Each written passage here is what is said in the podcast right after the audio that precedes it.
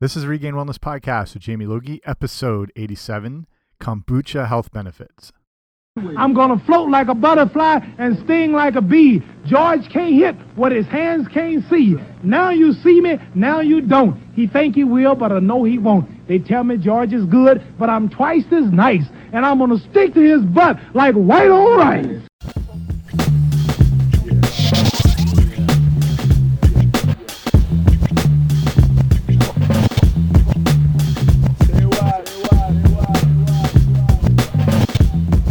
Guys, what's happening? Welcome back to the podcast. I'm Jamie Logie, I run regainedwellness.com, and this is Regained Wellness Podcast. Thank you so much for joining me here today. And starting off the show with the greatest of all time, Muhammad Ali. Today is, what's today? Early Monday. So this just happened. Uh, when did he pass? Saturday night, I think it was. Um, yeah, so I mean, there's not a lot more you can say about someone that legendary, you know, in and out of the ring. Um, and everything like that. So I was a huge boxing fan growing up. A little too. I remember Ali kind of at the later stage of his career. Um, I was born in the late '70s, so I caught him in kind of that you know twilight phase as he was sort of tapering out and just doing other you know ways to promote himself, and he was involved in all sorts of things like charity events, or he'd be at wrestling, WrestleMania, and everything. So, you know, familiar with him. Didn't see him in his prime, obviously, but we've all been exposed to to his greatness. So pretty amazing and in, interesting. You know, kind of a warrior right to the end. You hear his story from his daughter, just saying as he when he passed away, all essentially everything had shut, all his organs had shut down. Brain activity, you know, clinically basically dead, but his heart kept beating for almost another half hour past all you know all that complete shutdown. So you know a warrior right through to the end. So sad but you know amazing to have these kind of icons in our time that touched a lot a lot of people. So moving um, into the topic today it's hard to go from muhammad ali to kombucha but that's what we're talking about today one of the uh, best sources of probiotics um, one of the you know potentially one of the healthiest drinks you can have just going to talk about if you're not sure what it is um, I'll fill you in on all that today.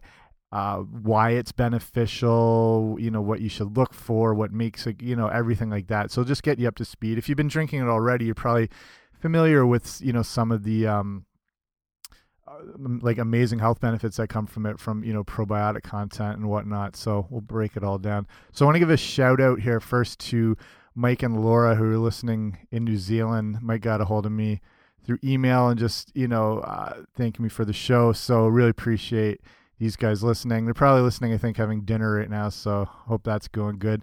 Mike actually runs his own podcast as well.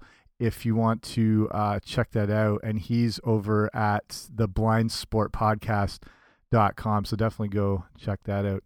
And also New Zealand. If you haven't been to New Zealand, check out New Zealand at some point in your life. Probably the most amazing country on earth. I lived in Auckland for a little while. Uh, when was that? 2009 or 10? I can't remember exactly.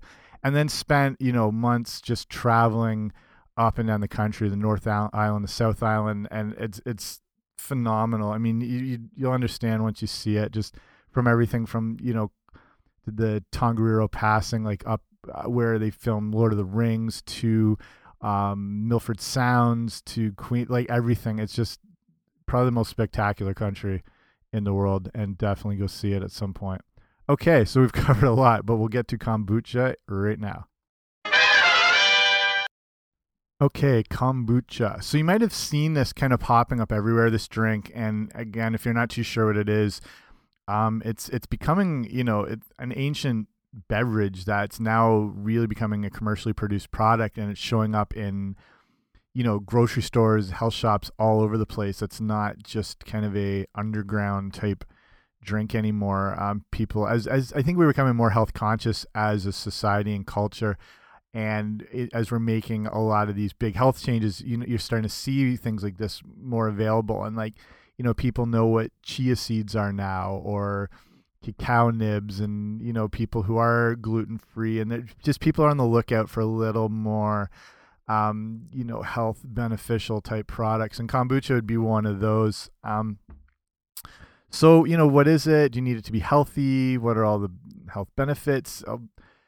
Essentially kombucha is usually found in tea form and combined with sugar, bacteria, and yeast, but it's not technically a tea. It's the kombucha itself. When we talk about kombucha, it, that's actually the bacteria colony that really provides all those health benefits. Um, what happens is then that kombucha is brewed with green or black tea and that helps create the fermentation effect. So you, if you've had it before, or if you haven't had it, it's it's lightly carbonated. So in its kind of pure raw form, it tastes a little bit like a sparkling apple cider. That's kind of the, how I always found. It. I mean, almost like a touch like champagne, but you know, without the horrendous hangovers and trying to pop bottles and pretend you're a baller every night in the club. But kombucha you can sip quietly at home without you know ending up dancing on a bar or tabletop. So what they're doing now with a lot of the commercial varieties are, are you know you can you can find it in its you know uh, original flavor if you want to call it like that, but a lot of the commercial versions are mixing it with different ingredients and juices uh, to create fruitier versions, and some of them are uh, going with you know root extracts or ginger uh, which is probably my favorite. There's ones that they'll mix in kind of a green space to it, like you'll have some spirulina. Um, it almost tastes like a kind of a peppermint type drink, and then everything from you know peach, mango, blueberry. Um, there's there's a ton out there right now. So looking back, kind of the history of kombucha here, um, it's generally assumed that it originated in the Far East, possibly China but it's you know it's kind of a little hazy on the details of it but it's been uh, it looks like it's been consumed for a good 2000 years or so either way. So the first recorded use of kombucha comes from china in around 221 bc during the Qin dynasty where it was they called it the tea or tea of immortality. Um, so as the you know as trade routes began to open up in the east that's where it helped to spread kombucha to places like India uh, and Russia through traders and travelers and everyone like that. So, from wherever it originated, it it makes its way into Japan. Um, between the wars, after a Japanese visitor to a place called, uh, I believe it's Kargasok in Russia, found that they were drinking fermented tea that was providing them astonishing health benefits as well as longevity and an overall, you know, better sense of well-being. So there's also the idea that kombucha was introduced into Japan by a Korean physician named Kombu around 415 AD. You know, so you can look this up. There's varying stories on its origins and whatnot. But in either case, at some point, it was introduced to Japan where that really, uh, where in Japan it really developed and shared its use, and then really led to its spread around the world, especially during the Second World War, as the popularity of kombucha grew across Europe because there was a bit of a tea shortage and even a sugar shortage at that time. So eh, kombucha started to make the rounds in that way. So kombucha, how is it? How is it made? So it starts with something called the SCOBY not Scooby, Scoby, S C O B Y. Here, fun fact: Did you know Scooby Doo's official name was Scoobert Doo? Okay, maybe that's not a fun fact. Another fun fact: the guy who did the voice of Scooby Doo, guy named Don Messick, and he also did the voice of Papa Smurf. If you can kind of connect those together, see, see, you're, you're guaranteed to learn stuff on this show, regardless of if it's useful or not. But Scoby, S C O B Y is like a white rubbery kind of pancake and that's the actual kombucha bacteria. So scoby actually stands for uh, s symbiotic culture of bacteria and yeast s-c-o-b-y symbiotic culture of bacteria and yeast. So that's where all the good stuff is. So what they're doing on the show notes today i'll put a few pictures of the the fermentation brewing process and the SCOBY. So if you go to regainedwellness.com slash 087, you can see what all this stuff looks like. So the SCOBY is placed in sweetened black or green tea and basically turns this sweet tea, people in the South, they like their sweet tea, turns the sweet tea into a liquid full of vitamins, minerals, living enzymes, and organic acids. So the sugar is key in this process because it, it, so it's not a sugar beverage, but um, it has the sugar to create the fermentation process. If you're familiar with, you know how alcohol is made in wine and beer and whatnot. So basically, the kombucha digests the sugar, and then it produces the probiotic microorganisms. So it also produces a bunch of other interesting things. So including glucuronic acid, which is a really strong detoxifier, then gluconic acid, which is very essential for digestion. It naturally produces uh, lactic acid, so that's key in digestion. You know, it helps in pH balance, blood circulation. It uh, produces acetic acid, which really inhibits harmful bacteria. Then it, uh, what else does it produce here? Butyric acid, which can help strengthen the gut wall, also can prevent candida. Then you've got things like uh, a couple more acids, like malic acid, which is a good liver detoxifier. Um, usnic acid, which is another natural antibiotic. It actually makes vitamin C. It makes a bunch of the B vitamins and then uh, some amino acids and the other enzymes. So pretty amazing for this little rubbery pancake what it does when it's in contact with the sugar. So, like I said, the the brewing process is very similar to making beer or wine, um, because it's you know this combination of a few ingredients and you kind of let it do its thing. So it's something that can be made at home, you know, without the risk of a keg explosion that comes from brewing cheap frat house beer or whatnot. There's a good website called thekitchn.com and I'll link that up. And it has one of the best at home kind of rundowns for brewing kombucha that I've seen. Uh, I'll give you a quick process in the meantime, though. So it's uh, that website is the kitchen, but it's K I T C H N dot com. Again, I'll link that up on the show notes. So regainedwellness.com slash 087. So here's how you make it at home or kind of just in general. So boil water and then you add sugar till it dissolves. Then you drop in the tea and then you let it steep for a few hours or until the water has cooled. Then you're going to take out the tea bags. You're going to strain out any loose tea. Here's just a side note on tea.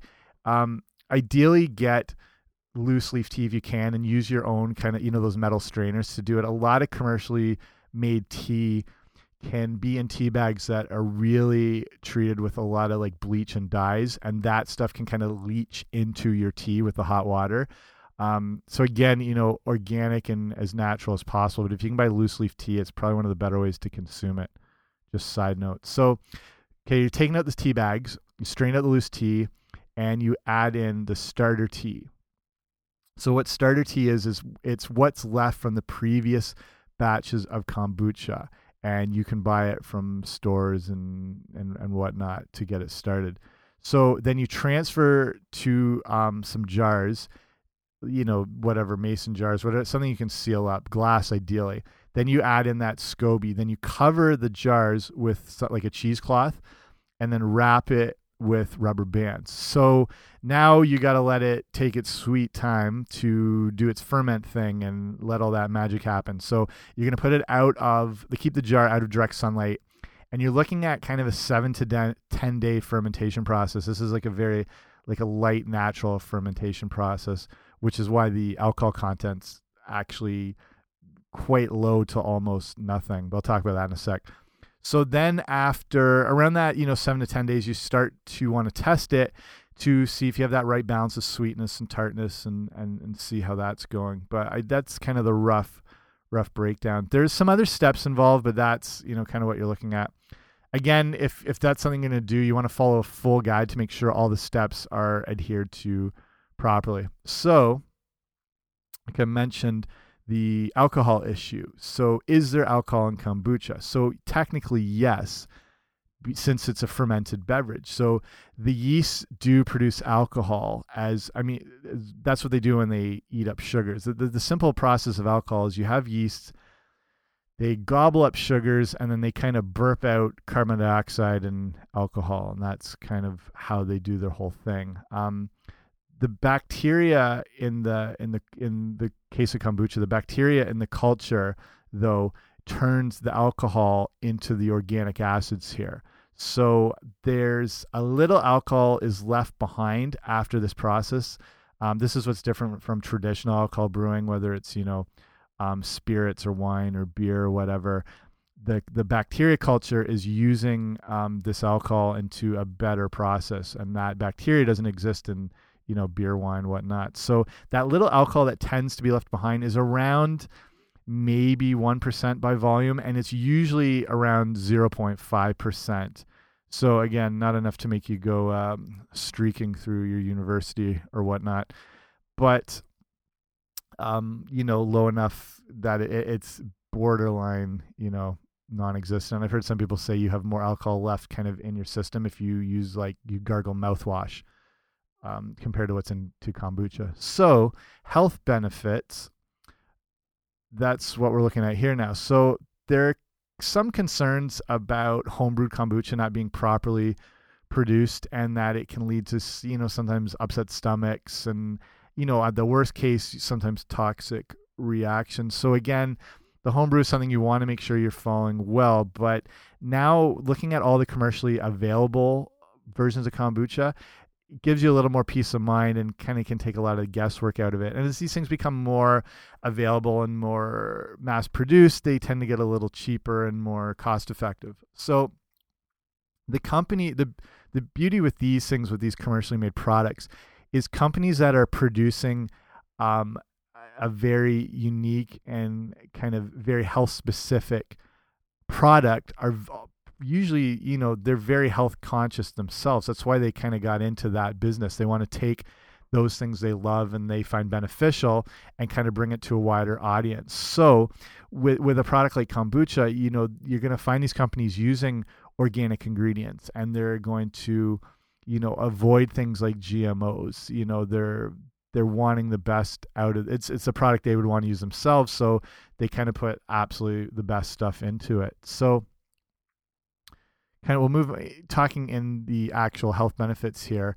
This is you know the primary reason for for consuming it. I mean, kombucha is probably not something you want to just be like chugging on a daily basis because uh, it's not going to be as cheap as other beverages, but it's to me worth the cost. So the reported the the health benefits around it center around its ability to help detoxify, help with joint care, aid in digestion and gut health is probably one of the the main main things.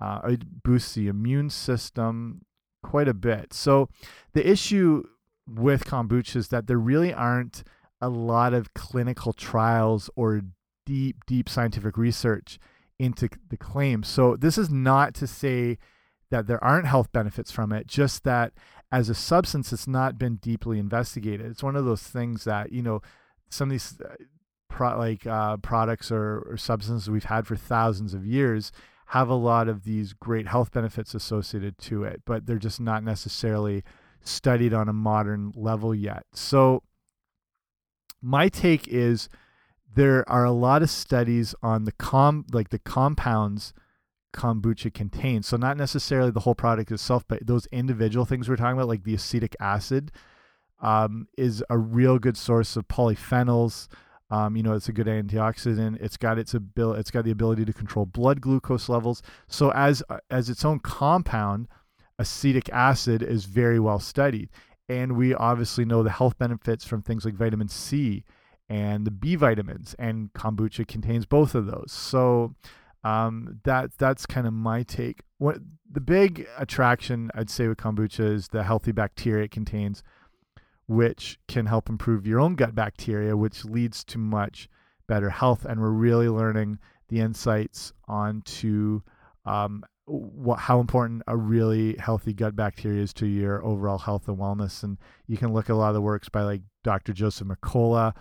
Um, Dr. David Perlmutter, sorry, Perlmutter has his book Brain Maker, talking all about gut health and the connection between um, brain health and mental health and everything like that. So, with, with kombucha, there there have been a few studies actually that identify and describe the microbiology of it, just from that standpoint. But like I say, it's individual. Its individual components have been investigated, just not as a whole. It hasn't been something that has been researched and studied, and that's probably something that you know, will probably, uh, as it's being more readily consumed and available, it's something you might see popping up more and more. So here's what's eh, to take away from it. Um, I, I love kombucha. I drink it all the time.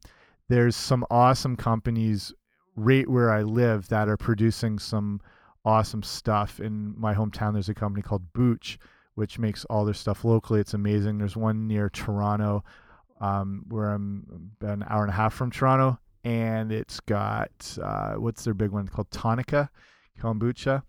Um, so I mean, wherever you are, there's probably local versions of it, depending on you know where you live. Um, you might have already known of it. You might have seen new varieties popping up, and you probably will see more varieties popping up as it becomes more popular. Um, so to me, these companies have people's best interests in mind and you and they want you to be healthy and and these they tend to be smaller companies too so good people to support they're doing good things they want people's best health um, in mind and that's um, why they got into it like producing it so do i think it's a miracle elixir not really um, i don't think it's ever good to slap that sort of label onto any singular thing i think you want to look at your diet and your health involving many different components that all work together for your optimal health. You can't chalk it up just to one thing. So, do I think it can have a place in your diet? Absolutely. Is it better than, you know, fruit juice, soda, sports drink? Absolutely. Um, and again, should you rely on it to make up for all your other bad nutrition? Absolutely not.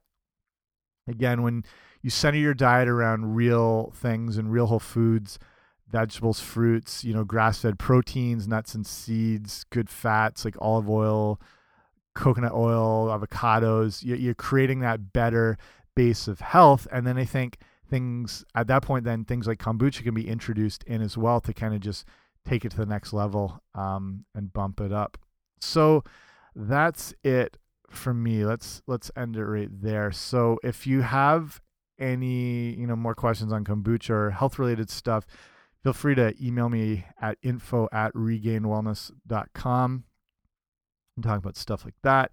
Um, if you haven't already, make sure to sign up for the email newsletter. And when you do sign up, so first, you know, I keep you up to date with everything going on and share information that I don't necessarily share everywhere else is kind of just by email. And when you do sign up, I send off a free ebook and it's kind of a healthy eating starter kit and it gets you up to speed, you know, with things you want to be avoiding, like why you want to be avoiding them. Um, talks about foods you want to be including and why you want to have those in your diet. It's got some recipes, pretty sweet, gets you up and running.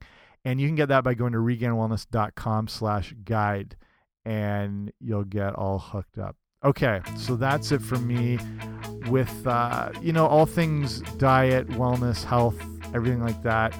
Uh, I talk about, you know, making the best choices possible, trying to get your health down um, as a good kind of base, you know, getting everything in place and kind of bringing in all these different components to improve it. And but just to keep in mind, you know, it's not always going to go perfectly, but to focus on that idea of progress and not perfection in your diet and your health. Okay, see you next time.